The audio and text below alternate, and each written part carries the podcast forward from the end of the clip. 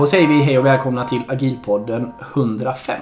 Exakt. Idag ska vi prata om eh, agila brottsbybutiken. Eh, innan vi gör det så ska vi eh, tacka de som gör den här podden möjlig.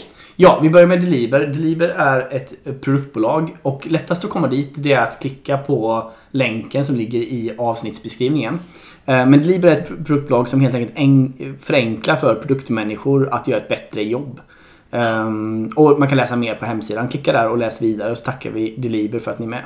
Verkligen. Och sen har vi med oss CRISP. Eh, gå in på crisp.se eh, och där hittar ni ett fantastiskt utbud av både kurser, utbildningar eh, men ni kan också få hjälp med olika saker helt enkelt.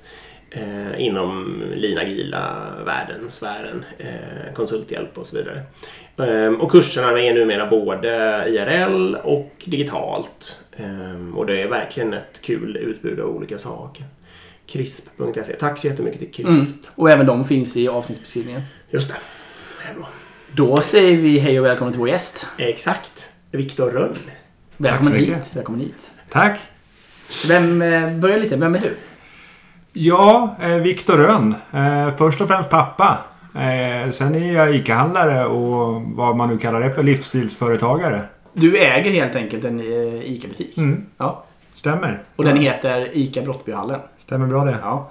Och vi kan ju ge lite mer introduktion till varför du är här också. Eh, och det var ju helt enkelt för jag eh, är, är en flitig användare av TikTok. Och har man TikTok och bor i Sverige så tror jag man omöjligt har undkommit att ni är stora där.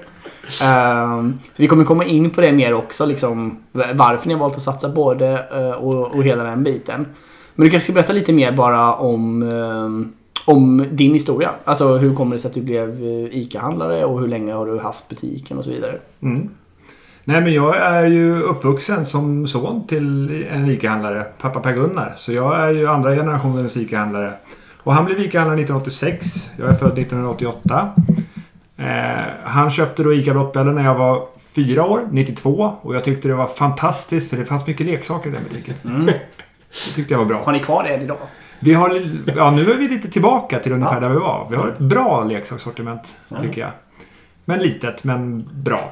Eh, och som son till en ICA-handlare så har jag fått se vad det innebär eh, att jobba i det yrket med, med hur mycket hårt jobb som krävs och eh, hur mycket man faktiskt kan påverka i sin, i, i sin vardag och i sitt liv. Eh, och jag landar väl själv när jag pluggar civilekonomprogrammet i att jag sitter och relaterar precis varenda grej på utbildningen till vad betyder det här ICA-butik. Och då fattade jag att jag vill också prova på att bli ICA-handlare. Mm.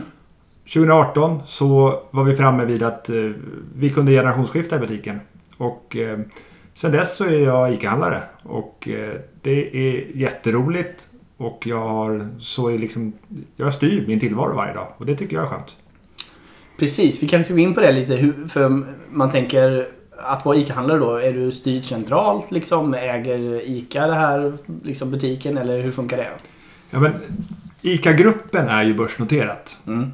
på Stockholmsbörsen. Och ICA-gruppen är majoritetsägd till 54% av ICA-handlarnas förbund. Men det är ju publikt aktiebolag. Mm. Eh, ICA-handlarnas förbund, Sveriges rikaste ideella förening, eh, har majoritetskontroll över bolaget. eh, Vilket innebär, och ICA-handlarnas förbund har som uppgift att bevara ICA-idén. Och Mhm. ICA-idén, eh, kort förenklat beskrivs som, som fria handlare i samverkan. Mm. Eh, och det är ju det. Vi är fria företagare som kan styra vår egen verksamhet och vi gör en del saker tillsammans. Mm. Eh, I form av att ta fram vad vi ska ha för marknadsföring och vad vi behöver ha för centralt stöd. Mm. Som ICA Sverige, som är ett av bolagen i ICA-gruppen, ansvarar för att eh, serva oss med. Mm. Eh, och vad ska man säga? Det, för att det ska fungera framåt så är det viktigt att det finns en, att det finns en välfungerande verksamhet både i ICA Sverige, och ICA-gruppen och eh, ICA-butik. Och Mm. ICA-gruppen har ju utöver ICA Sverige en verksamhet i Baltikum som är Rimi. Eh, som är en kedja, eh, dagligvarukedja är där. Eh, Apoteket Hjärtat. Mm, just Ja, det. just det. Eh, ICA Fastigheter som är en rätt så stor fastighetsägare. Däribland till stor del ICA-butiker. Mm. Som har som uppgift att se till så att det finns ett starkt fastighetsbestånd. För rätt lägen är viktigt när det kommer till dagligvarubutik. Mm.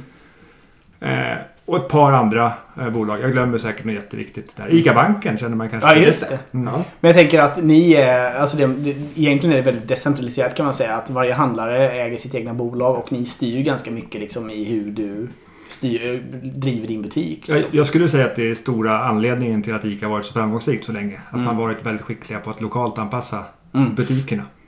Så att det är eh, en butik som är lämpligt utformad på den lokala marknaden. Precis. Och det är svårt för ett huvudkontor att veta liksom. Så där, därav decentraliseringen i att... Ja, men det blir ju... Kedjedrift är ju ett annorlunda sätt att göra det. Där Mm. man får mera lättare att genomföra det man vill göra i butik. Eh, för det har vi ju svårigheter med ibland. Att när vi, när vi ska rulla ut någonting nytt så kan ju varje enskild ICA-handlare säga det där vill inte jag ha. Mm.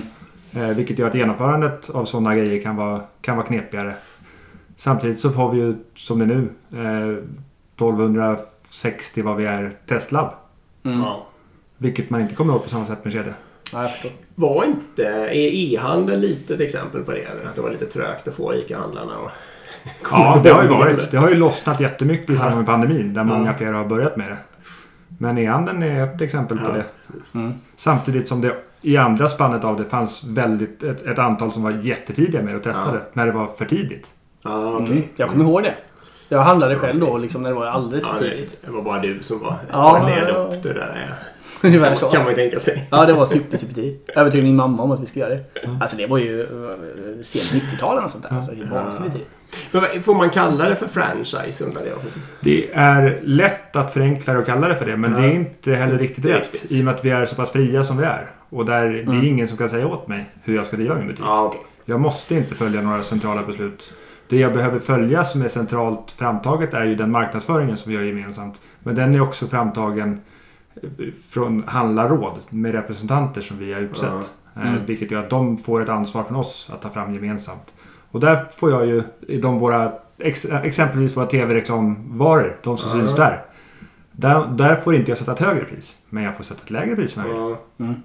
Men jag tänker sånt här som att eh, de här, eh, alltså det heter ju ICA Supermarket och Mm. ICA Nära och sånt där liksom. Det känns inte som att man kan, det kanske man kan. Kan man komma och kalla sig något annat helt plötsligt? Det är inte meningen i alla fall, det förstår jag ju. Det finns ju ganska mycket liksom, gamla butiksnamn där det kan heta... Det finns en ICA Kvantum-butik som heter ICA Maxi. Ah, Mhm. Okej. Ja. I... Du ska vi se, Uddevalla eller Trollhättan. Ja. Någonstans på västkusten. Och de hette ju Maxi innan Ja, ICA. Maxi i stormarknad kom. Ja. Jaha, ah, just det. såklart. Eh, Men det kan finnas ICA Trumpeten och Delfinen och allt Ja. vad de kan heta. Sen brukar, heter de ju numera ofta att det är kopplat nära eller supermarket till det. Men man måste inte. Men vi kallar oss ju ICA Brottbyhallen ibland. ICA Nära Brottbyhallen ibland. Mm. Det beror lite på. Ja, okej. Hur stor är den här butiken?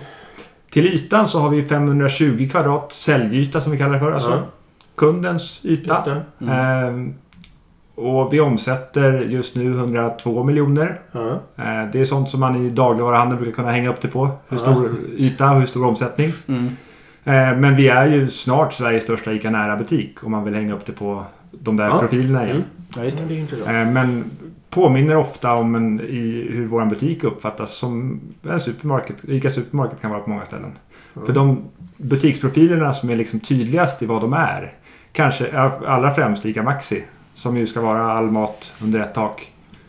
Mm. Eh, och ICA Kvantum som är oftast en, eller ska vara en riktigt, riktigt bra matbutik. Och det är lite större butiker och de är lite likare varandra. Även om det finns jättemycket lokala skillnader på dem också. Mm. Mm. Mm. Och eh, hur många anställda?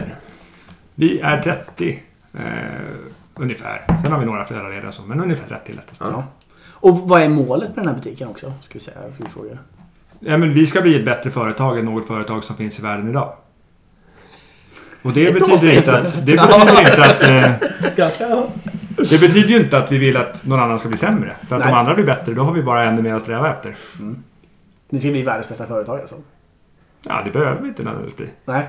Men det... Eh, Om Men det- andra blir bättre så, så... Vi ska röra oss i rätt riktning. Ja. Mot att bli bättre än de som är bäst idag. Om någon annan är bättre, ja men då, får vi något, då har vi ytterligare något att jobba med. Ja, det är coolt. Och eh, sa du det, vem som äger den här butiken? Ja, men det gör jag till 100%.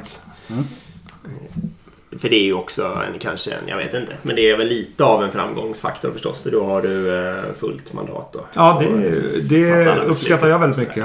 Ja, det förstår jag. förstår det. Vi har försökt köpa in oss ska sägas. Jag lyckades inte. Vi fick nej direkt. Ja, vi fick nej. Stenhårt nej.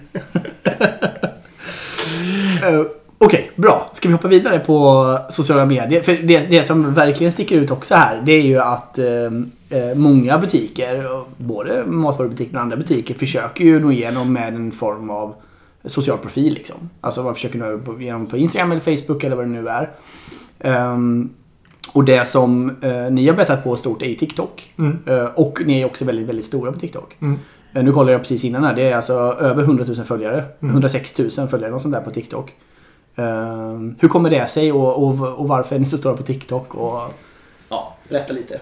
Ja, nej men jag eh, har ju märkt att, att det finns en, en väldigt stor möjlighet i att nå ut med sina budskap i sociala medier. Och där vi liksom började i Facebook som var mera hemmaplan. För det var där jag var bekvämast. Och vi testade oss fram där som många andra ICA-butiker och butiker för den delen har gjort. Att kommunicera vad vi gör i butiken och vad våra mervärden är och vad vi tycker är viktigt. Mm. Sen kom jag till en punkt där jag insåg att liksom, ja, men vi kan göra så jättemycket mer och vi kan nå ut med vad vi vill göra som företag. Och då hade jag en lagkamrat i mitt fotbollslag. Eh, Martin Larsson som är då lite household names för, name för vissa. Ja, verkligen. Om man följer TikTok så är det verkligen det. Ja, eh, vi spelade i samma fotbollslag och han hade pluggat eh, mediekommunikation på Kaggeholms folkhögskola. Och jobbade med att köra bil på Mathem. Och då Ah. kände jag att så här, jag vill göra mer i sociala medier. Han kan det här. Det är en bra kille som jag känner väl och litar på. Jag tar ett samtal med honom och kollar. Ska du inte komma och jobba hos mig istället? Mm. Och det var ju ett jätteviktigt steg för våran del. För då möjliggjordes ju att vi kunde göra mera. Och han är skicklig på att skriva och eh, ljud och bild, film. På ett sätt som jag inte är. Som gjorde att vi kunde skala upp det vi gjorde. Mm. Eh, och började göra mera i sociala medier. Eh, Instagram gjorde vi inte så mycket alls innan. Instagram och Facebook. Och eh, så hittade jag att TikTok var ju spännande. Mm. En, en app där man på den tiden då och i mångt och mycket fortfarande det är mycket dans och musik och sånt. Men Mm. Det kan ju inte jag och det kan ju inte kanske vi få till. Och då började vi testa oss fram. Där. Vad kan vi göra? Och det, i början var det ju liksom Ja, Martin tryckte en semla i ansiktet på mig och sånt som vi tyckte var kul. Och Mm. det, några grejer fick ju lite visningar och så. Men det var inte, vi hade inte hittat rätt i vårt tilltal. Nej, jag förstår. Eh, och det är ju liksom det att eh, det är en viktig del i hur jag är som människa. Jag vill se till att ha roligt och testa mig fram och prova. Vad funkar, vad funkar inte? Mm. Och då var det ju, kom det ju en, en tisdag lunch när jag bytte um, min kollega Luca då i kassan. Och Mm. satte upp mobilkameran mot honom och frågade honom vad han skulle köpa till sin lunch. Och då skulle han köpa chili flakes. Och så började vi prata om det och så gick det genom rutan. Mm. Och sen så tog det lite fart. Då fick hans elever där han tidigare jobbat på ett, eh, på ett fritids på Byleskolan i Täby syn på det. Och skrev att Lucka, det är vår gamla lärare. Han har lovat att om inte han skulle hälsa på så skulle han komma med glass senare. Och då fick han och Martin åka och bjuda på glass. Det tog Okej. ju fart. Så Byleskolan där hjälpte oss att driva lite fart på det. Och sen så rullade det på. Och vi landade i att, jag menar, butik, lätt att relatera till. Eh, För alla har en butik nära sig. Och vad händer där? Och vad tycker vi är roligt? Och egentligen satte upp en kamera mot varandra. Det vi tyckte var roligt för stunden. Mm. Och så la vi ut det. Och vi har aldrig klippt och haft någon manus någonsin. Utan det är Nej. vad tycker vi är roligt. Mm. Och om vi tycker det är roligt då gör det inte så mycket om inte alla tycker det är roligt. Men det visar sig att det tyckte de också. Och man får ju också lite bakom kulisserna, eller hur? För det är, liksom, det är ju från personalrummet och när folk anländer och era fikapauser och vad man pratar om. Alltså så, här, så man får ju lite Ja. bakom kulisserna sen också i hur det funkar att jobba på en ICA-butik och hur det är att driva en ICA-butik Ja. också. Nej, men en väldigt viktig del i det har ju varit att det är jättefrivilligt för alla. Man får vara med så mycket Ja. eller så lite som man vill. Ja. Så det är en hel del av, av mina medansvariga i butiken som inte vill synas alls. Och det är okej. Vill man synas mycket så får man göra det. Mm. Hur ofta lägger ni ut något? Det, det blir i princip varje dag. Ja. Nu har vi varit lite kalla på helgerna för att vi har återhämtat oss lite. Men, men det kan vara ett inlägg om dagen eller det kan vara sex inlägg en dag. En dag. Men det tar inte så mycket tid. För vi tar upp kameran, filmar och lägger ut, klipper i början och slut på filmen. Men inte mer än så. Mm. Så enkelt och så. Ah, kul. Ja, det är spännande. Vad, vad, vad tror du att det här har gett? Eh, för, för, eh, förutom att det är en rolig grej och sånt, vad tror du att det har gett i form av marknadsföring och sånt? Det måste varit en otrolig skillnad i vilka som känner till er butik och eh, kanske även en del vilka som kommer till butiken och sånt. Men det är ju det är ju den stora grejen. Att det skapar en jättemycket större kännedom Ja. om butiken och vad vi gör och vad som händer där. Sen är ju också en möjlighet som vi skapar i att prata om det man tycker är viktigt. Ja. Som ju är en jätteviktig del i mitt företagande. Att visa att företagande kan vara en god kraft för att påverka världen för människor. Och det försöker jag väva in eh, på ett icke påtvingande sätt. Utan det här tror jag är bra för folk att höra. Och då pratar jag om det. Och det är ju helt ärligt så du är här också. Det är så jag hittade det. Liksom, jag började följa det här för att det är ju, som sagt det kom i min feed. Eh, och när man väl börjar titta på Luca och Martin då kan man inte sluta titta för de är väldigt roliga. Eh, och de dansar ju också. Eh, ehm, och, eh, och sen så kommer du också in med och pratar mer om liksom, mer ledarskapsprinciper och hur du ser på företagen och så också. Eh, och det är helt enkelt därför du är här också. Skulle jag säga. Så det är väldigt roligt ju. Vad är, ja precis, nu kanske Erik sa det lite, men vad är det i din uppväxt? För många butiker försöker ju att ha en närvaro i sociala medier. Eh, och, ja, nu beror det på vad man menar med lyckas, men få lyckas ju så här bra i alla fall. Vad skulle du säga är kärnan i skillnaden? Liksom? Jag tror att en viktig sak är att inte begära en massa av andra människor. Att vi försöker inte sälja på TikTok. Överhuvudtaget. Det är, inte, det är inte intressant. Utan vi gör sånt som vi tycker är kul och som vi tror andra tycker att det är roligt. Och, och kravlöst. Alltså, det, ni tittar inte på en reklamfilm. Ni tittar på när vi leker. Ja. Ja, precis, det finns ingen produktplacering där och det finns inte det, nu är det rabatt på de här produkterna. Det är inte det som är grejen liksom. Nej, och man märker på TikTok eftersom att det är, att det är film. Att det är äkta. Om det inte är äkta så ser man det. Det var någon gång när Martin fick för sig att ta om en film på mig. Och då ser man ju direkt när jag vänder på mig där att "Men det här är inte första gången. Nej. Det lyser igenom och där liksom att få till äktheten. Den är... Folk ser igenom när det inte är äkta. Ja, ja, just det. Just det. Mm, vi, vi sa ju det till dig här förut att man får inte säga... Nej, vi förbereder ju lite inför de här avsnitten men vi stoppar alltid våra gäster om de börjar svara på frågorna. Och det är av exakt samma anledning. Att det är bara en viss energi man har en gång på en kväll. Liksom, Ja, en precis. återupprepar man det sen när man har skrivit ner det så blir det inte lika bra. Nej, det blir inte bra. Nej. Eh, Mm, precis. Alltså nu för det är ju bakom kulisserna på Agilpodden då. Att de gästerna vet ungefär vad vi ska prata om men vi har inte tränat. Liksom. Vi kanske göra TikTok om det. Ja, det kan vi göra. Det kommer Agilpodden har ingen TikTok Nej, men det kan vi ju ändra på. Ja, verkligen. Eh, ja, ska vi gå... Ja, får hjälp oss. Vi vi repeterar här då. Eh, du har satt en vision och den är att ni ska vara bättre än alla andra företag. Var det så? Ett bättre företag än alla andra företag. Vi ska bli ett bättre företag än något företag som finns i världen idag. Ja, så var det. Precis. Eh, och sen har du byggt en ledarskapsfilosofi kring det liksom. Eller för att uppnå det då.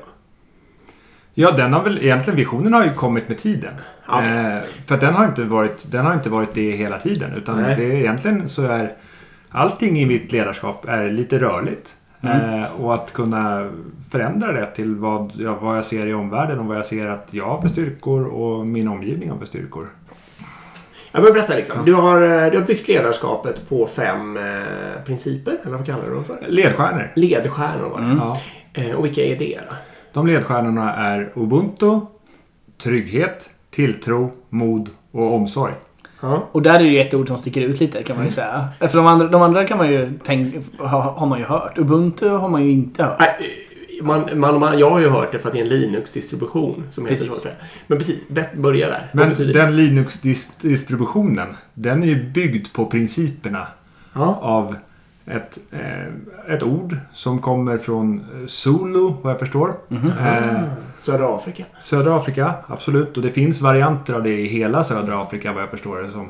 Men egentligen vägen jag kom i kontakt med det var att jag såg en dokumentär på Netflix om den amerikanska baskettränaren Doc Rivers. Som hade tagit intryck av det. Och egentligen fått det presenterat till sig att Ub- eh, Känner du till Ubuntu? Nej. Eh, du, borde, du borde sätta dig in i det. Det, det, det är inte ett ord. Det, det är en livsstil. Det är ett sätt att leva. Och det Doc Rivers började förstå då när han tittade på ordet var ju att eh, det var ett ord som Nelson Mandela och Desmond Tutu och ja, vad det nu heter, fri, fri, rörelse, frigör, frigörelserörelsen från apartheid använde väldigt populärt liksom där i hur de skulle göra för att bygga upp ett nytt land på ruinerna av, av den där hemska förtryckarstaten som apartheid var.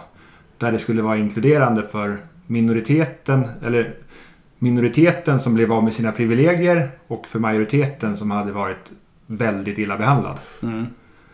Där Ubuntu är, det skulle kunna förklaras med medmänsklighet. Det betyder att jag... Att äh, man blir människa genom andra människor. Mm. Att jag... jag min framgång bygger på, på andra människor och att få till att man tillsammans blir starkare. Ja. I grund och botten så bygger det på alla människors lika värde på riktigt. Mm. Att, att man, man, ska inte, man, man skadar inte andra människor överhuvudtaget utan man blir så stark som man bara kan bli genom interaktionen med andra människor. Okej, och hur, hur appliceras detta liksom i, i en ICA-butik så att säga? Vad... Det handlar ju om att liksom se till att, att man i det, i, när, när, man, när man gör någonting så försöker man bära med sig att skapa att, det ska, att människor ska må bra av det. Mm. Alla människor som påverkas av det här beslutet. Ingen ska lida av det och så många som möjligt ska ha nytta av det. Och att våga sätta liksom det gemensamma goda framför egennyttan. Mm. Jag ska bara inflika att apropå så, alltså, tomma floskler åt något att jag bodde i Sydafrika på 90-talet i, ja, bara helt kort, Ja. men ändå. Och det stämmer ju på så vis att om man tar många andra sådana där, äh, alltså efter många frihetsrörelser så har det blivit någon form av mera hämndläge då så att säga. Och det är fullständigt naturligt, så jag säger ingenting om det. Men, men det får man ju ge dem att även om Sydafrika hade enorma problem så lyckades de med just exakt den grejen att eh, det var tydligt att alla människor oavsett kulturbakgrund skulle få fortsätta finnas liksom och ingen skulle direkt frånryckas alla sina privilegier eller liksom att det skulle hända något sånt där. Och det var nog en anledning till att det inte blev något fullskaligt inbördeskrig eller liksom mer problem än vad det själva verket är. Så jag, jag stöttar ju helt idén utifrån den betraktelsen. Liksom. Mm. Eh, vad mer jag tänkte på? Ubuntu. Ja, men I grund och botten så, som jag ser på det så en viktig sak är ju att är man privilegierad så medför det ett ansvar. Mm. I alla lägen. Har jag ett privilegium och bor man i Sverige så har man ett oavsett. Eh, eller jättemånga privilegier. Och det är att se till att med den makten som det medför att man använder det till att göra gott för andra. För då förtjänar man också liksom förtroendet att förvalta det. Mm. Jo, jag satt och tänkte på det här med de, de, Vi har ju haft andra, eller i den här podden så har vi haft gäster och vi har pratat om själva olika former av antingen servant leadership men även eh, olika former av chefslösa organisationer och sånt där. Och väldigt ofta så blir det ju eh, att det liksom kretsar lite kring det här med hur man fattar beslut och just vem de ska gynna och, och hur man gör det tillsammans och att det ska gynna helheten. Det är det väl ofta det de har landat i då. Liksom. Så det låter ju väldigt likt din eh, ledarskapsfilosofi. Ja, i mångt och mycket. Men där Ubuntu går ju ett steg till i form av att titta på liksom att, det, att gynna mänskligheten. Mm. Som jag ser på det hela. Mm. Att hänga upp besluten på ett steg till. Att, att Mm. organisationen är viktig och organisationen och att den ska vara fortsatt stark och livskraftig. Det, det skapar ju grund för att fortsätta göra skillnad. Men organisationen framför en annan organisation. Eller liksom när det kommer till hur jag ser på konkurrenter. Om en konkurrent hör av sig till mig och vill ha hjälp med någonting. Ja, det är väl klart. Hjälper Ja. er. Och det har ju skett flera gånger också. Mm, Du menar som en, inte en ICA-butik nu utan kanske Ja. med en annan Ja, leader? men en regionchef på Hemköp hörde av sig. Ja. Vill ha lite tips. Ja, Ja. visst. Okej. Mm.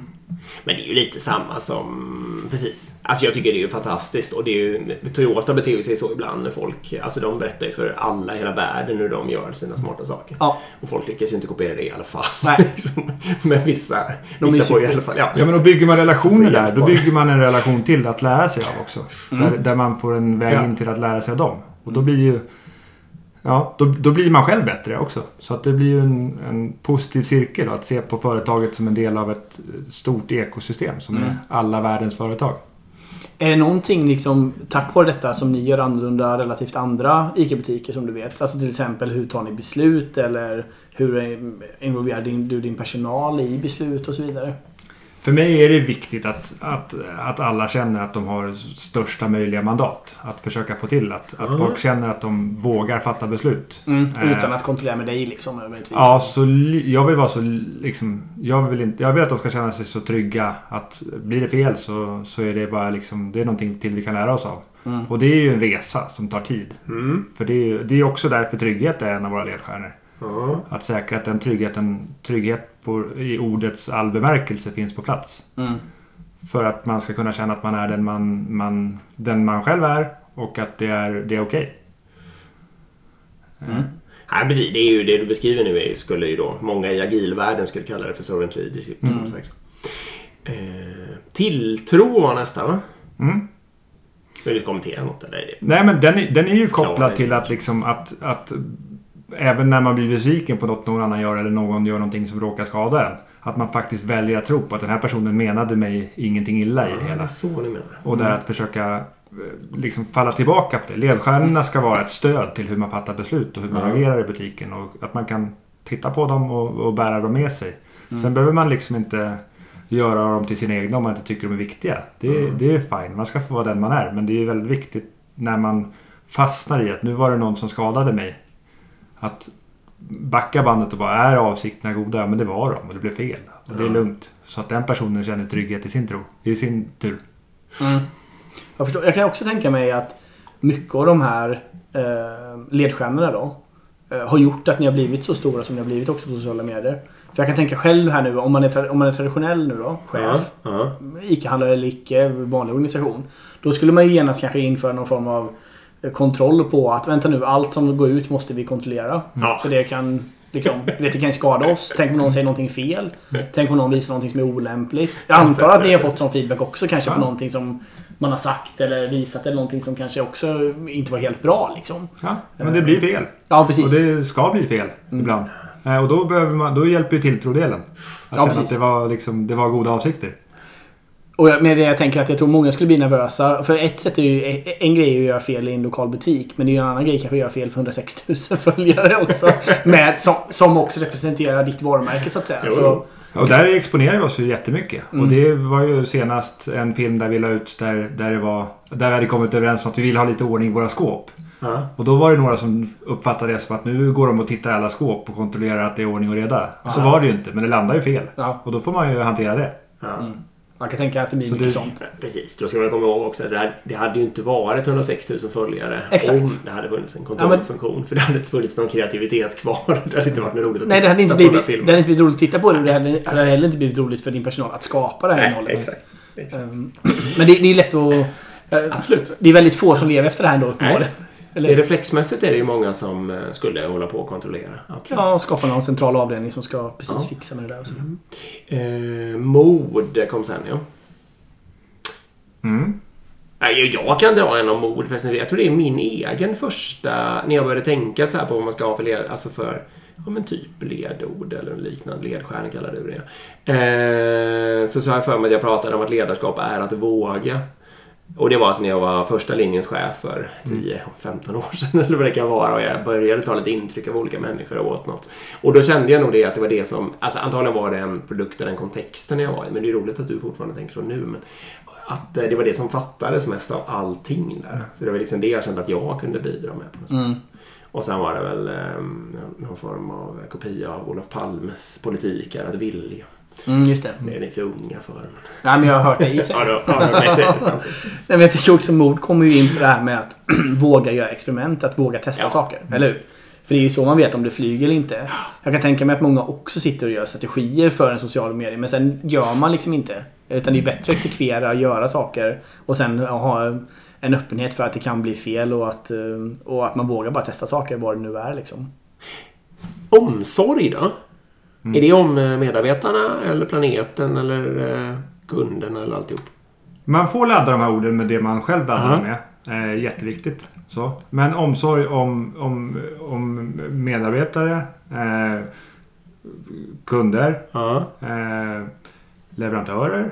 Leverantörer i, Ja, i utsatta situationer. Och, och egentligen se till så att, det, att, att andra människor mår bra. Att vi är varandras miljö är en jätteviktig sak. I företaget, utanför företaget. Och se till att man, man har utrymme att vara, vara den man är, den man vill vara. För att alla, alla har vi olika behov. Eh, Och det är att liksom göra plats för dem. Är Mm. jätte, jätteviktigt. Mm. Så, sa du att du kallade kunderna för gäster? Ja. Jag drömde det. Nej, visst var det så? Ja. ja. Är- det mindset? Ja, men det är ju egentligen att, att eh, ladda det på ett ännu positivare sätt. Att, Ja. att, att se till att, att om man kallar dem för gäst så är det mycket lättare för dem att känna sig som gäster också. Ja. Kommer man till oss så ska man känna sig välkommen och att det är, att det är som att, ska kunna vara som att komma till ett andra hem. Mm. Eh, det är jätteviktigt i, i hur vi jobbar och hur man, vad man laddar ordet med. Ja, nej, jag... Eh, och det är vanligt i en del andra branscher. Restaurang, hotell. Ja Mm. precis. Men sen är frågan det, det är vad man kallar ordet för och vad man eh, får till i praktiken är olika saker. Förstås. Ja, men för kom ihåg, Lexus jobbade ju med det också. Mm. De kallade gäster och de tänkte som att det var gäster. De tänkte, och det fanns något japanskt ord och det var lite så här att det ska kännas som att vara gäst i någons hem. Liksom. Det var det så de förklarade. Och det hade ju, har ju funkat också. Ja, och det är typiskt då på Lexus butik är det ju så. När man kommer in så får man kaffe och en varm handduk för att händerna. Och, Ja. Alltså typ som att flyga flygplan liksom. Mm. Eh, för att bli omhändertagen och välkomnad liksom. Och säkert för att de jobbar med det mindsetet då, precis som Ja, exakt. Liksom. Ja, Nej, men och, och där är ju liksom att, att våga tänka eh, annorlunda och våga gå en bit längre. Eh, mina medarbetare, vi jobbar med att kalla det för medansvarig. Mm. Eh, av den anledningen att vi ska allihopa känna, känna ansvar och stolthet för butiken. Och, och kombinerat med de här ledstjärnorna så blir det fel. Så är man fortfarande liksom, ska man kunna känna att jag har en del av, av all vår framgång. För vi skapar ju en massa framgång på det här. Och det ska Mm. ju liksom kunna bygga en stolthet och en självkänsla hos människorna som är inblandade. Mm. Oavsett om man är medansvarig eller om man är gäst eller leverantör. Och så. Det, det, för min del så tror jag det är en jätteviktig framgångsfaktor för oss nu och framåt. Att få människor att bry sig om företaget. Mm. Och att företaget är en god kraft som man vill vara del av. Mm. Och liksom på något sätt ett högre syfte kanske än att sälja ett mjölkpaket till så att säga. Utan det handlar om ett, ett högre syfte att man vill på något sätt förändra. Liksom, Mm. Ja men och lyckas vi med sånt som vi vill lyckas med i form av att, att bli ett bättre företag än något företag som finns i världen idag. Då inspirerar vi ju och får en massa liksom ringar på vattnet. Vi har ju en podcast också där, det, Mm. där, där bland det häftigaste är när någon hör av sig och säger att eh, jag är oftast ganska så deppig men när jag lyssnar på er podcast så blir jag glad. Mm. Det räcker liksom. Ja, men då behöver man inte göra något annat. Nej. Och bara liksom när sådana grejer trillar på plats. Då är det, då är det verkligen häftigt och viktigt. Mm. du måste ju säga vad heter den tror jag? Den heter Gamla Regler. Gamla regler ja. Ja, Mm. och det är man bekant med det uttrycket om man har följt oss på TikTok. Eh, och det är ju liksom någonting vi kan hänga upp mycket på. Det är hur, man, liksom, hur, vi, hur vi tycker att man är mot varandra. Eh, och i podcasten så pratar vi om tre heta ämnen som kan vara allt från jättetramsigt till jätteseriösa ämnen. Och våra tankar om det. Nu är vi ju... Från början så var det jag och Martin Rucka som kom på den tisdag och spelade in första samma tisdag eftermiddag. Aha. Eh, ett tag så var den ju 24 på podcast-topplistan på App Store. Oj, ja. ja. Eh, nu är vi inte där längre men det är, det, och det är inte därför vi gör det. Vi gör det för att det är roligt och för att vi märker att folk, folk gillar det. Mm. Eh, och tanken är att det ska vara underhållning och lite eftertanke och lite lärande. Mm. Blandat om vartannat på ett sätt där man vill lyssna. Och eh, hur långa är avsnitten? Och vi började med att hålla så här 25-30 minuter. Vi har Ja. spårat ur. För det är så roligt. Som är för långa? Ja, men ibland så hamnar vi på över en timme och det, då kan det bli att man tycker att det här är lite för mycket för att sätta mig in i. Men de trogna lyssnarna, de lyssnar ju. Det är ju så faktiskt. Det har vi också märkt. Vi får inte mer lyssningar på korta avsnitt. Nej, det får vi Nej. inte. Men, men precis. Men det var ganska lätt att kliva fram med vår andra podcast som, som är femminuterspodden. Ja, För- Därför att den fyller Jo. ett tomrum liksom, som människor saknar. Men det är ju nog också liksom inträdesbarriären. Ja. Första gången Ja, man lyssnar. så är det. Att det är lättare om det är kortare man kan välja. ja så är det ju verkligen. Och det är ju också en sån grej då tänker jag. För jag menar återigen att skapa en podcast. Vi hade ju samma mindset lite. Vi köpte en mick och ganska snabbt var vi igång liksom. Att bara släppa Ja, ut och testa. Vi var ju inte så bra, men vi var ju bra. Nej, vi var inte samma dag, men vi var, vi var ganska snabba. Och vi var ju ganska tidiga också. Det fanns ju inte så mycket podcast. Nej, det var vi den däremot. Exakt. Det var vi. eh, Men det är återigen det här. Jag tänker att det också blir en ledarskapsfilosofi att våga testa på att göra saker. Eh, Men jag tänker också, kan du, eller har du något exempel på liksom där, där när det har blivit fel? Eh, Eller där kanske ni haft en medarbetare som inte har passat in i det här eller eh, ja, något exempel liksom på någon motgång som ni har hanterat och hur ni har hanterat den också. Eh, ja, alltså medarbetare som inte, som inte har... Ja, vi börjar om. Mm. Det var, vad var frågan? Frågan var egentligen kring, har ni, någon, har ni något exempel på någon motgång eller någonting eller något tufft som hänt i företaget? Typ att någon medarbetare inte passat in eller ni har haft problem med någon leverantör eller vad det nu än kan vara liksom och hur ni har hanterat den situationen också. Ja, inte riktigt någon vi inte har upplevt passat in och så. Men vi hade ju en, ett jätteutmanande ögonblick i, i vintras. i Okej. december när vi hade ett rån i butiken. Jaha. Eh, och då var ju också Luca som var mest profilerad av allihopa. Och då, jag brukar säga att han var lika stor då som, som Darin var när Idol kom till Sverige. Ja. Så het var han ungefär då. Ja. Då blev han rånad en fredag kväll i kassan. Usch. Och där var ju liksom, där gav ju sociala medier eh, en stor utmaning att vi hade synt så mycket och hur ska vi göra det här så att det blir en så att vi, så att vi håller att hantera situationen internt och säkerhetssituationen på ett bra sätt blev ju jättekritiskt. Hur gör vi det här nu? Hur ser vi till så att det inte kommer en massa uppmärksamhet på vem har blivit rånad? Mm. Luca har blivit rånad och allt det och massa frågor på... För det blir ju liksom en process där man behöver läka ihop. Såklart. Och där jag morgonen efter gick ut på TikTok och eh, berättade att det hade skett ett rån. eh, Och att eh, ja, jag hänvisade till gamla regler i form av att den, den äldsta av gamla regler är att man skadar inte andra människor. Mm. Eh, Och vi har blivit utsatta för ett rån och vi skulle uppskatta jättemycket om det inte spekulerades någonting kring rånet så att vi får utrymme att läka i lugn och ro. Mm. Och det respekterades på ett fantastiskt sätt. Många Mm. skickade liksom stöttande kommentarer och det hade kunnat ta vägen till, till jättemycket spekulationer och, och allt sånt. Och typ Aftonbladets artiklar och så vidare. Ja. kan jag tänka. Liksom. Men det blev en- och så vidare. Mm. Ja. Det blev att vi fick en ändå ganska så lugn process att hantera det. Mm. Trots att det hade kunnat slå fel åt, åt olika håll. Mm. Ja, intressant. Ja, verkligen. Det är ju bra där. Det det var ju bra drag av dig där. Det är ju bra att ha en plattform till att börja med. Det vet ju vi också. Man kan, Ja. man kan föra ut olika saker. Men, och eh, det var ju smart att använda den på ett konstruktivt sätt i, och väldigt snabbt också innan eh, utvecklingen hann skena iväg någonstans. Och det fick ju vi av att vi var vana i att agera i, i, på den plattformen och, Mm. och agera offentligt och synligt. Mm. Att kunna styra, ja, men sätta, sätta tonen för diskussionen. Och, och jag tänker på det du sa med att han var som Darin där. Har ni haft eh, massor med fans som kommer till butiken bara för att träffa? Ja, det var ett tag när det var ganska så mycket. Och så. busringningar för fullt och så vidare. Och, och ett tillfälle när det, när det kom hem en, en ung kvinna hem till och knackade på dörren. Jaha. Vilket var så här. Ja, Det här eh, måste vi ta fram en plan för. Det här håller inte riktigt. Nej.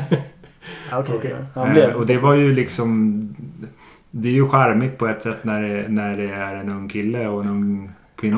Ja, är, det är det omvänt så är det ju jätteläskigt. Ja, det, kan, det kan ju bli läskigt också. Det kan det bli också beroende på vem det är. Så det, det, det var skönt att det inte var mer än vad det var. Mm. Men det var ju också en situation vi ställdes inför. Hur hanterar vi det här? Mm. Och där är det skönt att vara en del av ICA. Där vi kunde, jag kunde ringa till ICA säkerhetschef och säga hur hanterar vi det här? Mm. Ja. Och, och han svarade att vi har inte riktigt ställts inför det här men, men vi har... No. Vi har inte så många TikTok-kändisar på men vi har ju erfarenheter att dra ifrån andra branscher och Ja. tänk så här. Och så här kan man göra om man vill plocka bort sin synlighet på hitta.se eller vad det är. Ja, det. Och fick en hel del liksom knep i verktygslådan att bygga in där. Mm. Och tydliggjorde ännu mer att liksom deltagande är frivilligt. Mm. Och det här har skett. Och man behöver, om man är med och syns, sen är det jätteintensivt, vara medveten om att det finns risker också. Mm. Men det är det som är också tycker jag co- coolt för jag tror återigen till den här traditionella människan. Hur lätt är det inte att bara stänga ner det här nu? Eller hur? Ja, just det. Just det. Liksom tänka på reflexmässigt bara nu måste vi avbryta allt det här liksom. Och, ja. För det tänkte jag också att den där säkerhetschefen skulle i värsta fall kunna ha sagt att skyll er själv när ni håller på sådär. eller någonting. Men det, så blir man, blev du inte bemött i alla fall. Nej, det var ju bra. För det hade ju varit en syskonspaning till din där. ja men precis. Exakt. Nu, nu förbjuder vi TikTok Och det hade ju för alla skett, det hade ju skett i en kedjeorganisation där man hade släppt på det här. Ja det hade de Troligen. ju. Ja, mest troligen. Mm. Så att det här är ett för stort risktagande. Det här vågar vi inte hålla på med. Nej. Ja, otroligt spännande. Ja, det, ja, ja, det har vi ju knappt touch. Vet du någonting om agilt förresten? Alltså, inte... Lite grann. Eh, eh, vi fick ju någonting inom ICAs centralorganisation som hette Nya ICA Sverige. Ja. Som då var att man skulle börja jobba agilt Nej, på jaha. ICAs... Eh, ja. Och där har jag ju fått... Top-down agilitet.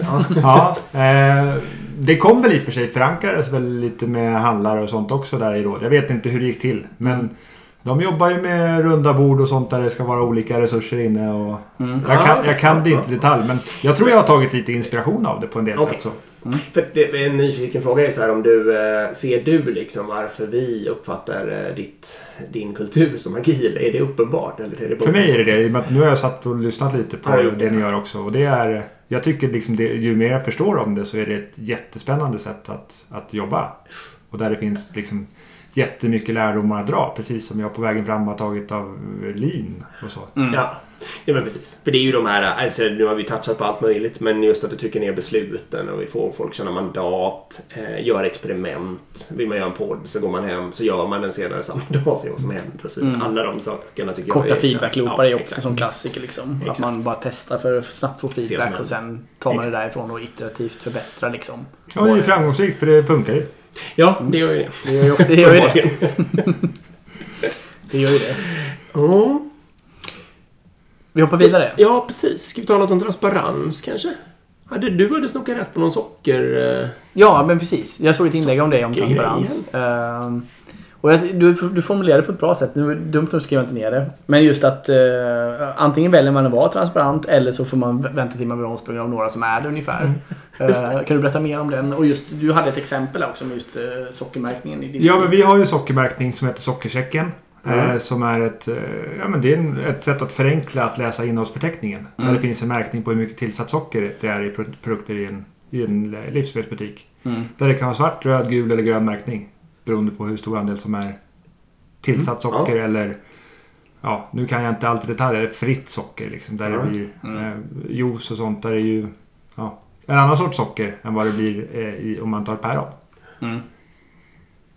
Eh, och det är ju liksom Det är ju som så att konsumenten har ju, har ju eh, jättestor makt. I dagligvarubutik så är det ju jättelätt att byta butik. Mm. Ja, Jätte, jättelätt. Det kan ju vara liksom det geografiska läget kan ju göra att man, att man tenderar att välja sin närmaste butik eller Ja. en av de närmaste som så. Men tycker man att man blir dåligt bemött eller så så är det bara att byta. Ja.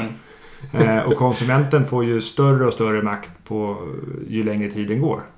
Ja. på många sätt. Och vi har ju inom handeln så har vi ju så är det en trovärdighetsfråga.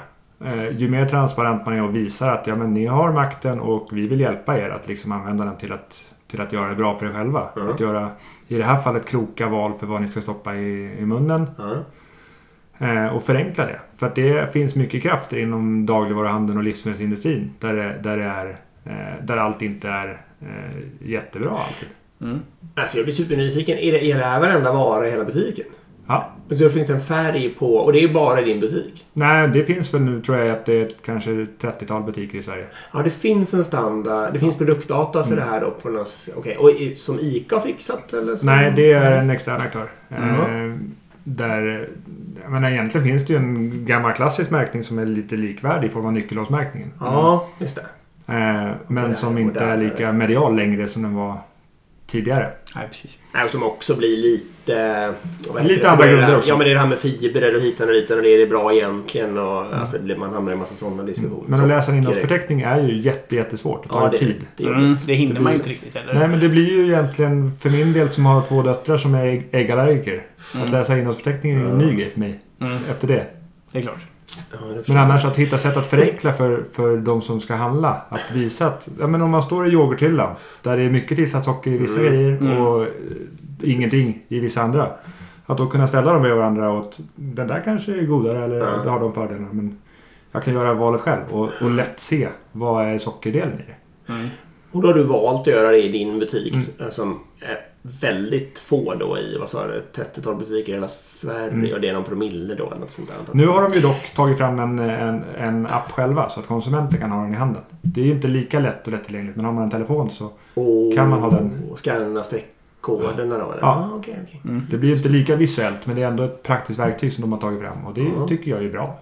Även om det gör att min märkning blir lite mindre viktig. Ja. Så är det bättre.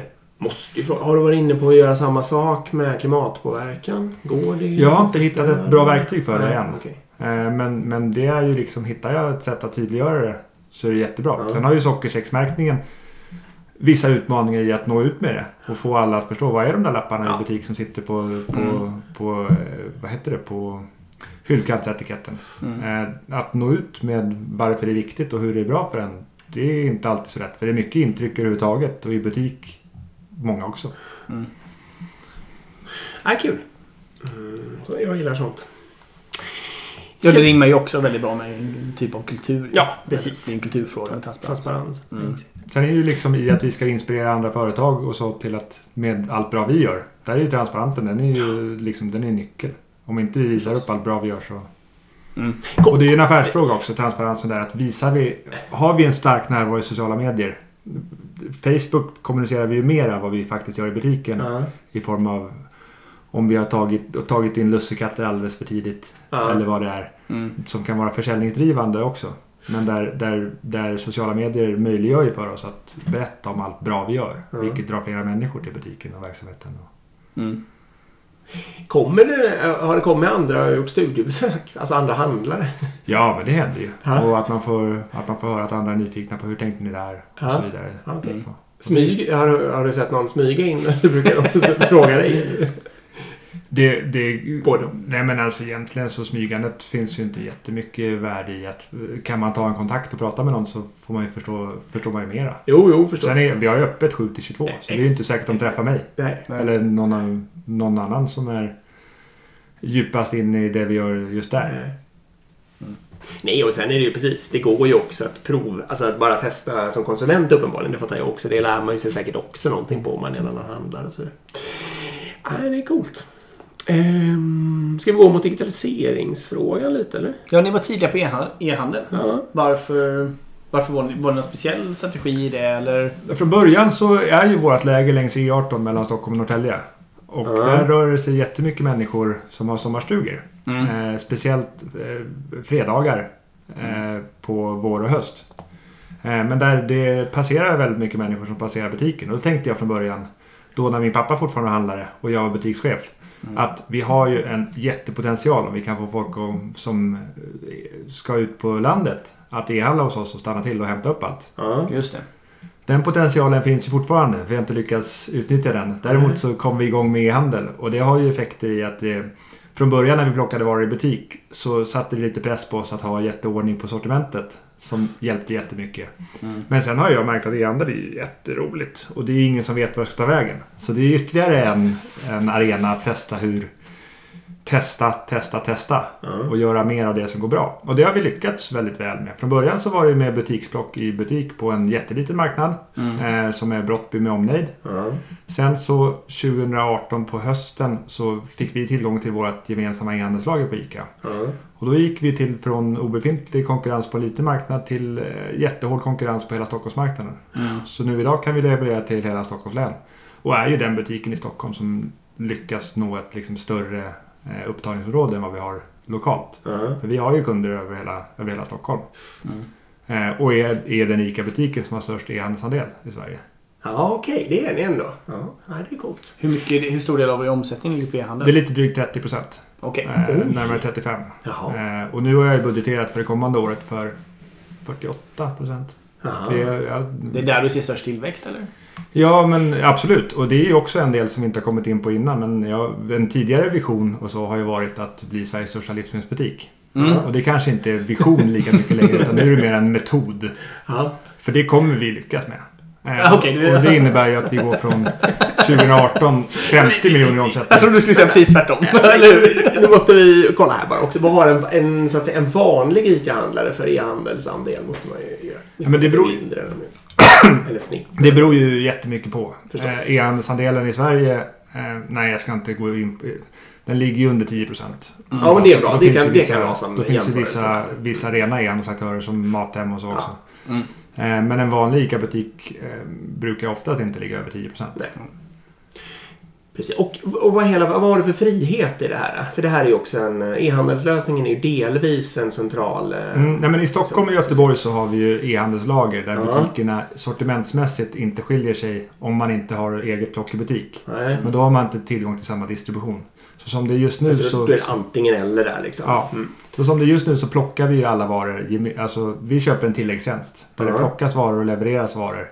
Från ett e-handelslager. Där vi kan påverka pris, marknadsföring och eh, upphämtningslösning i den mån man jobbar med det i Mm. butik. Ja, och hur kan du påverka marknadsföring? Ja, du menar marknadsföring. Men du kan inte påverka hur själva webbshoppen ser ut? Jo. Ja, det kan du. Det kan jag. Den kan jag anpassa med lite personligt tilltal eller vad, lite vad man vill göra. Okej, så om jag går in i din eh, webbshop så se, behöver det inte... Ja, det kanske inte ens gör det då just i ditt fall.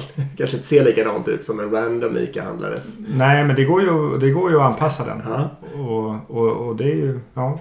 Och sen är ju marknadsföringen så mycket mer. Det är ju all kommunikation. Ja. Och för våran del har vi lyckats med att mycket av marknadsföringen gör vi inte själva. Utan det är människor som pratar om oss. Ja, jo, jo förstås. Då. Det är- men- För det, vad jag själv hade gissat skulle ju vara att du skulle säga nämligen att eh, det var väldigt liten frihet på e-handeln. För att, det- för att jag tycker att den ser väldigt lik ut på alla ICA-butiker jag har provat att e-handla av. Och det är ju för att vi, på, vi liksom ICA-handlare är för dåliga på e-handel. Okej, men då ska jag alltså testa en gång och, och handla från det. ska vi Det absolut måste jag, måste jag absolut göra. Jag gav ju upp på, det får jag väl, det kan jag väl säga. Jag gav ju upp på ICA. Det var väl kanske pandemin och väntetiderna som var dödsstöten. Men det är ju även vissa saker kring sökfunktionen och sådär som jag har väldigt svårt för. Men vi måste gå tillbaka till att du sa att... Du, du, Jag fortsätter. vi måste gå, ja, precis. Skit. Vi måste gå tillbaka till det du sa nu. Vad var visionen eller målet? Ni ska bli Sveriges största Livsmedelsbutik. livsmedel... Ja. För jag antar att ni, ni har en bit kvar omsättningsmässigt till de största. Ja, men eh, största ICA-butiken just nu är, omsätter ju lite drygt en miljard. Ja, precis. Max i Haninge. Ja. Ja. Eh, och sen beror det på hur man räknar med Ullareds livsmedelsverksamhet och sånt också. Ah, okej. Och sen finns det ju normalt sett också ett antal stora gränshandlare i, Ah, vid norska just gränsen. det, just det, just det. som har haft det tufft. Mm. Men så en miljard någonstans då skulle det kunna vara. Ja, nej men det är väl inte orimligt att vi... Inte helt, nej. Att, nej men det är ju kopplat till hur väl vi lyckas eh, bygga mervärden och bygga en bra e-handel. För där är vi inte idag. Men du skulle ju också kunna, nu vet jag inte om jag ska, jo det kan jag säga det här. Du skulle ju också kunna skapa en egen e-handel. Mm. Eh, För det, den friheten har du säkert. Mm. Men då måste man ju bygga upp, då by- måste man ju också bygga upp hela distributionen. Ja, på lagerhållning och- Lager, Mm. Mycket större butiksyta för att Nej. plocka varorna. Det är nödvändigt. Om Eller skulle du... är Den ytan som vi har just nu klarar vi av att omsätta eh, någonstans lite, vad blir det då? Lite, drygt eh, 70 miljoner fysbutik. Då ska vi omsätta en miljard på samma yta. Det Nej. räcker inte ytan till. Nej, jag förstår. Ja, det var inte så jag menade. Jag menar, jag, förlåt, jag, eller, det är mycket inuti mitt huvud här. jag menar så här.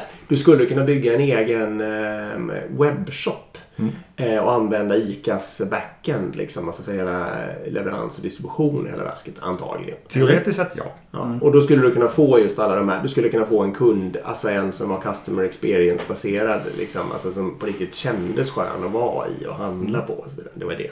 Nu har jag Men- planterat men den det idén. jag ju- Du får göra vad du vill det. Det behöver jag på något sätt lyckas åstadkomma hur som helst. Ja, exakt. Om vi ska bli så pass stora. Ja. Exakt. Precis, det var det jag var på väg till. Ja, nej, men vi är ju inte där. Nej, och är vi uppe i de omsättningsnivåerna då har du ju ändå möjlighet att eh, alltså ha egen IT och egen liksom eh, allting. Mm. Det var, det, var dit jag var på väg. Mm. ja, det är otroligt spännande. Mm. Det är det verkligen. Det är ju teoretiskt möjligt men då måste jag, jag eh, omge mig med människor som är riktigt skickliga på IT. Ja, nära exakt. mig också. Ja, Exakt. Så är Det det. är lite annorlunda. Det är Lite annorlunda. Men, men det kan vara ett sätt att nå Ja. att bli världens, eller Sveriges största. Ja, vi- sen kan du, Ja. sen kan du satsa på världen. Så. Jag kan si- sidesteppa där till den frågan också. Hur, hur tänker du kring de här 30 personerna eh, du har anställda? Liksom, hur, hur säkerställer du att de kommer vara kvar och trivs och liksom hela den biten? En väldigt viktig del i det vi gör är att alla ska, liksom, all, alla ska ha en individuell utvecklingsplan.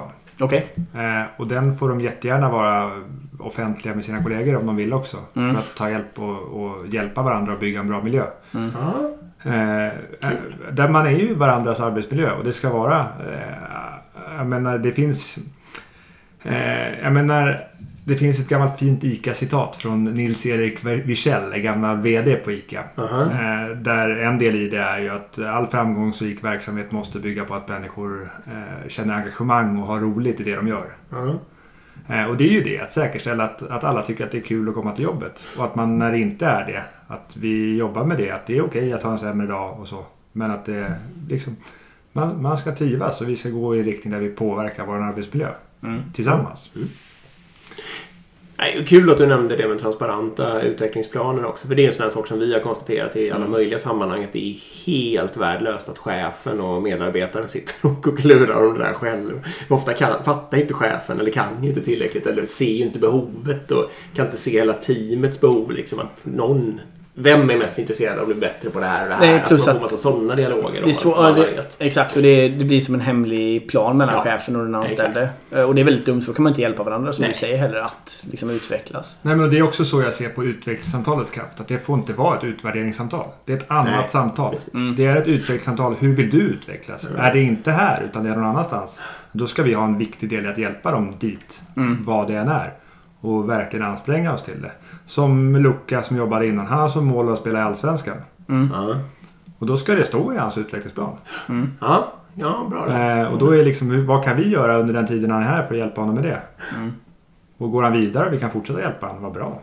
Mm. Precis som liksom alla människor runt om. Och där är ju liksom, det går ju tillbaka till våra ledstjärnor. Att det är Ubuntu betyg, liksom, det bygger ju på att alla ska få utrymme att skina. Och vara så bra som de kan vara. För det gynnas jag också av. Mm. Och det Ja. blir mer långsiktigt även om så att säga, personen skulle lämna företaget och göra något annat.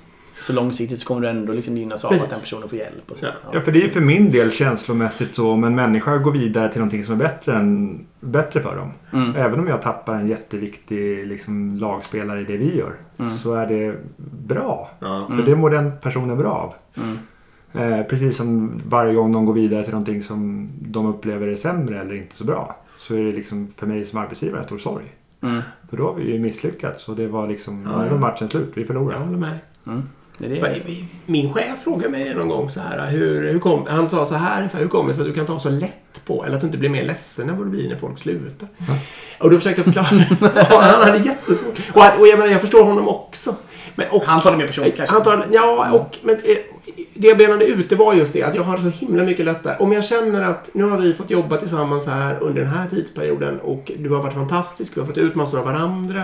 Du har gjort så jag växer, jag har gjort så du växer och nu ska du springa vidare till nya grejer. Då är det mer glädje än sorg i det, liksom, även om det finns en sorg också. Mm.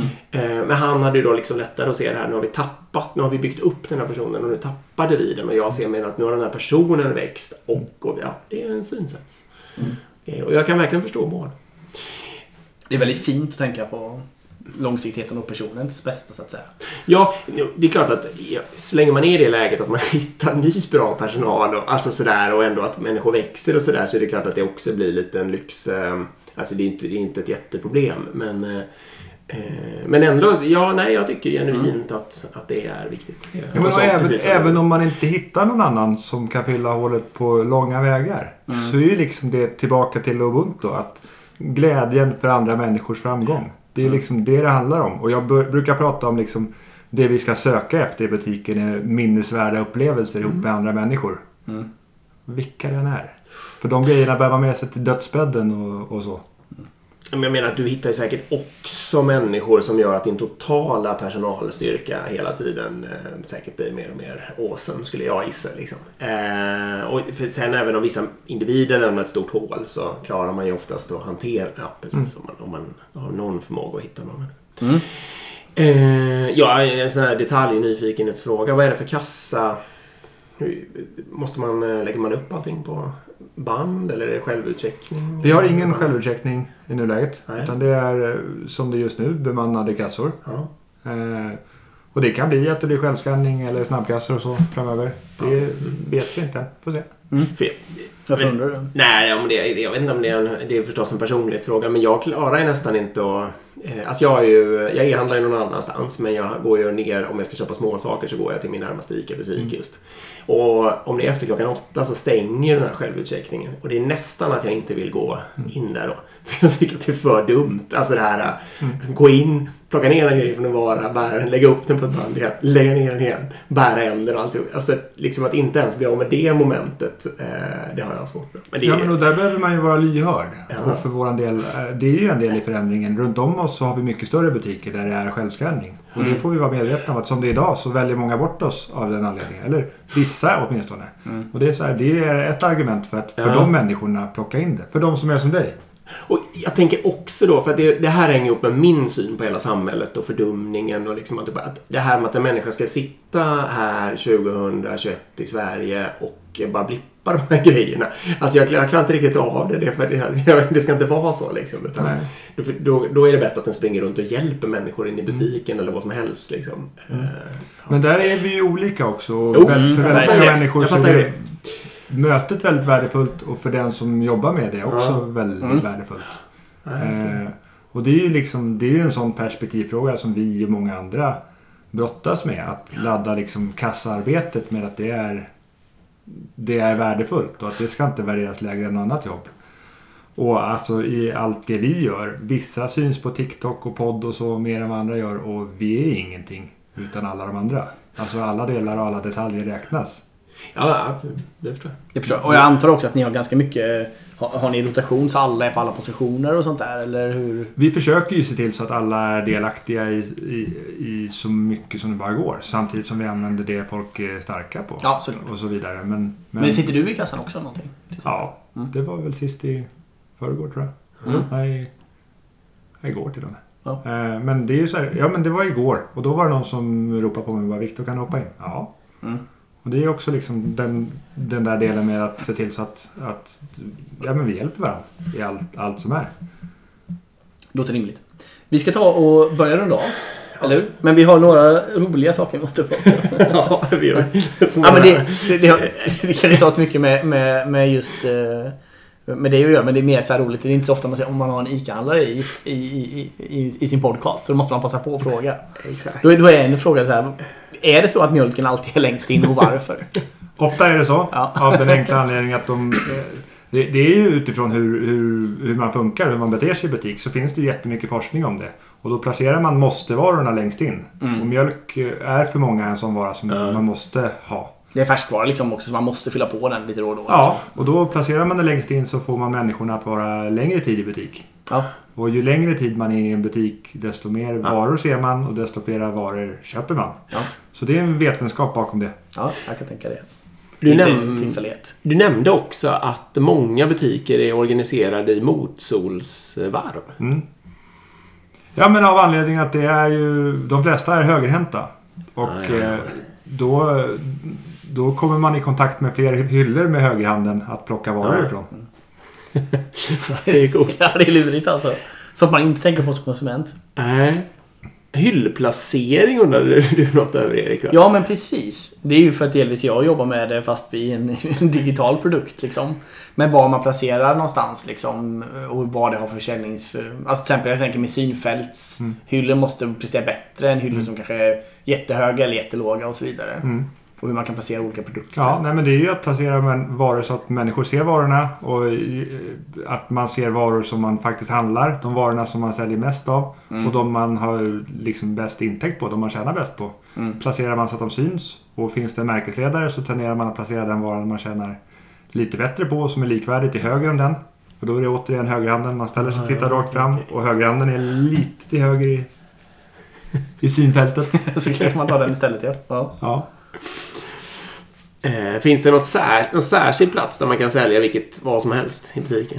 Ja men det är ju de platserna man ser mest. Eh, Vi pratar gavlar i butik. Alltså Ja, änden okej, på hyllskeppen. Eh, De ser flera människor. För in i gångarna så, så är det så mycket flera grejer som säger. Och, det blir ju, och då är det även liksom placera spotlights på dem så det syns bra Mm. och kommer i blickfånget.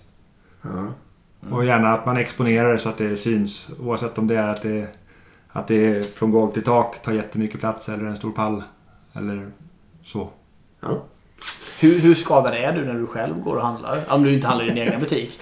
Tänker du liksom bara okej, där har de ställt den, den står där. Ja, men jag tittar ju efter bra idéer. Ja, det kan jag. Ja, det Hela tiden. Ja. Det där är smart. Det där, hur tänkte de där? Och så. Det, det ingår. Och det är kul. Ja, det kan jag tänka mig. Det tar lång tid att handla bara varje gång kanske. Men... Ja, det kan, kan, det kan vara så. Eller det är så. Det Ja. brukar jag få höra hemma. Ja, det kan jag tänka mig. Köp mjölk nu och inte två Gör- timmar. utan- Gör det inte till ett studiebesök. Nej, exakt. Jag kan se det här framför också hur du kommer hem med liksom nio, sort, nio olika märken av mjölk eller något. Ja, men ibland är det så här liksom om jag åker, åker hem själv från landet för familjen är kvar och så. Då, vet, då vet frugan att det är stopp på ett, så många ICA-butiker eller butiker överhuvudtaget som möjligt på vägen. ja, det är så ja. Så den tar lite längre tid. Ja, jag kan tänka det. Ehm, och sen också, jag vet att jag hörde, som är förvånande mig, att bästa marginalprodukten eh, var plastpåsar. Mm. Så man vill liksom sälja så mycket plastpåsar som möjligt. I det. Eh, och man kan tänka också vilken otrolig mängd plastpåsar man Mm. sålde, historiskt i alla fall. Ja, men så var det innan plast, plastpåseskatten kom. Ja. Eh, det var det. För man behöver en plastpåse och den var ju praktisk för konsumenten också. För den blev ju soppåse Precis. också. Eh, och plast är ju billigt. Det Mm. vet man ju. Mm. Så det var en bra marginal på det. Ja. Dessutom är det ju lurigt nog, det är liksom bästa marginalprodukten men det är också en produkt som har liksom en, ett företag som Type. Man gör liksom reklam Mm. lite samtidigt som man går. Mm. Det är ju briljant på många sätt. Ja. Vad är bästa marginalprodukten nu då, efter plastpåseskatt? Går det så här? Nej men det är ju sånt som man köper ofta. Ba- Bananer, gurka, köttfärs. Eh, köttfärs kan ju vara låg marginal och hård konkurrens också. Så. Eh, men egentligen så bygger ju mycket av lönsamheten i butik på omsättning och Ja, att okej. man köper mycket. Folk handlar mycket kaffe. Mm. Eh, men ja, jag har inte stenkoll på den här frågan just nu. För jag, har så, jag har så bra medansvarig att jag, jag kan agera i andra frågor. Gurka på Mathem är orimligt dyrt. Alltså? 20 kronor styck. är inte det dyrt? Det varierar ju mycket på gurkan över året. Det gör det, okej. Eh, I och med att det, när, det är som med frukt och grönt överhuvudtaget. Att när det är säsong så är ju tillgången god. Såklart. Och smak, ofta så, så är det så, det är så man ska handla frukt och grönt. Ja. Handla det som är säsong. Hösten, svenska rotfrukter är ju Mm. jättemycket billigare än vad rotfrukter är annars. Och gurkan är inte så god faktiskt. Inte för Nej, men den hoppar väl nu över i spansk tror jag. Mm. Menar du... Eh, dessutom menar du inte ens ekologisk gurka nu eller? Nej, jag, jag, jag vet inte faktiskt. Nej, för då är det inget orimligt pris. Nej, men jag vet bara att jag brukar, min son han älskar gurkor. Ja. Så jag köper alltid 4-5 gurkor. Så inser jag varje gång jag checkar ut bara fan det är 100 spänn på gurkor. Ja, Liksom gur- typ i veckan. Liksom. Gurkan kan ju pendla mellan 5 kronor styck till, till 27-28 Ja, okej. periodvis och beroende på butik. Okej. Ja. Vad kostar en gurka hos er? Just nu inte stenkoll. Nej. Eh, det är inte 20 men jag tror inte att det är jättemycket under 20 Nej. just nu. Det är oväntat dyrt med gurka. Alltså. Ja. Det tänker man inte på innan man har en son som äter mycket gurka. Eh, Gurkmissbrukare. ja. Ja, det är bra. ja. Ja. Ska vi nöja oss? ja, jag kan nöja mig. Är det någonting mer du känner att du vill ta upp? Nej, det här var kul. Ja. Det där med att göra reklam är inte min grej. Det löser sig över tid. Ja, ja precis. Du får gärna puffa för någonting om du söker personal eller om du söker... mm, Nu man kan- sa jag att jag inte skulle göra reklam, men, Nej. men det får vi Ja. inte veta. Ja, vi kör ändå. Gör det. Vi, vi, vi kan ju leverera mat online till hela Stockholms Mm. län. Eh, Ja. Och handla gärna. Brottbjälla.se. För då hjälper du oss att lyckas med det här och bli, bli ett bättre företag än något företag som finns i världen idag. Det är grymt. Och jag antar att man har feedback och sånt också så kan man höra av sig till er också med... Ja, absolut. Mm. Eh, Jag försöker vara på så många sociala medier som det går. Ja, finns överallt. Ja, det är coolt. Brottbyhallen.se och eh, podcasten hette Gamla Regler. regler. Precis. Precis, och sen så finns, man kan säga också, ni finns ju då på Facebook, Instagram, TikTok. Där kan man gå in och följa er också. Mm. Och då söker man på Brottbyhallen antar jag. Mm. Ja. Så kommer här. Eh, cool. Då ska bra. vi ta, precis, tacka våra sponsorer också. Ja, det ska vi göra. Mm. Tack till CRISP för att ni är med oss. Gå in på crisp.se. Mm, och tack Deliber också för att ni är med oss fortsatt. Precis. Och återigen, klicka in på länkarna i avsnittsbeskrivningen Precis. för att få mer information om båda. Om man ska nå oss, vad gör man då? Förutom flaskpost? Flaskpost funkar bra. Ja. Annars är det äh, agilpodden.gmail.com eller agilpodden på Instagram. Det är Precis. lättast att hitta oss. Och så tusen tack Viktor för att du kom. Ja, verkligen. Vad kul. Tack. Kul Det var samtal. Roligt och hedrande att bli inbjuden. Ja, bra. Tack till alla som lyssnar. Det säger vi. Det gör vi. Hej, hej. Hej.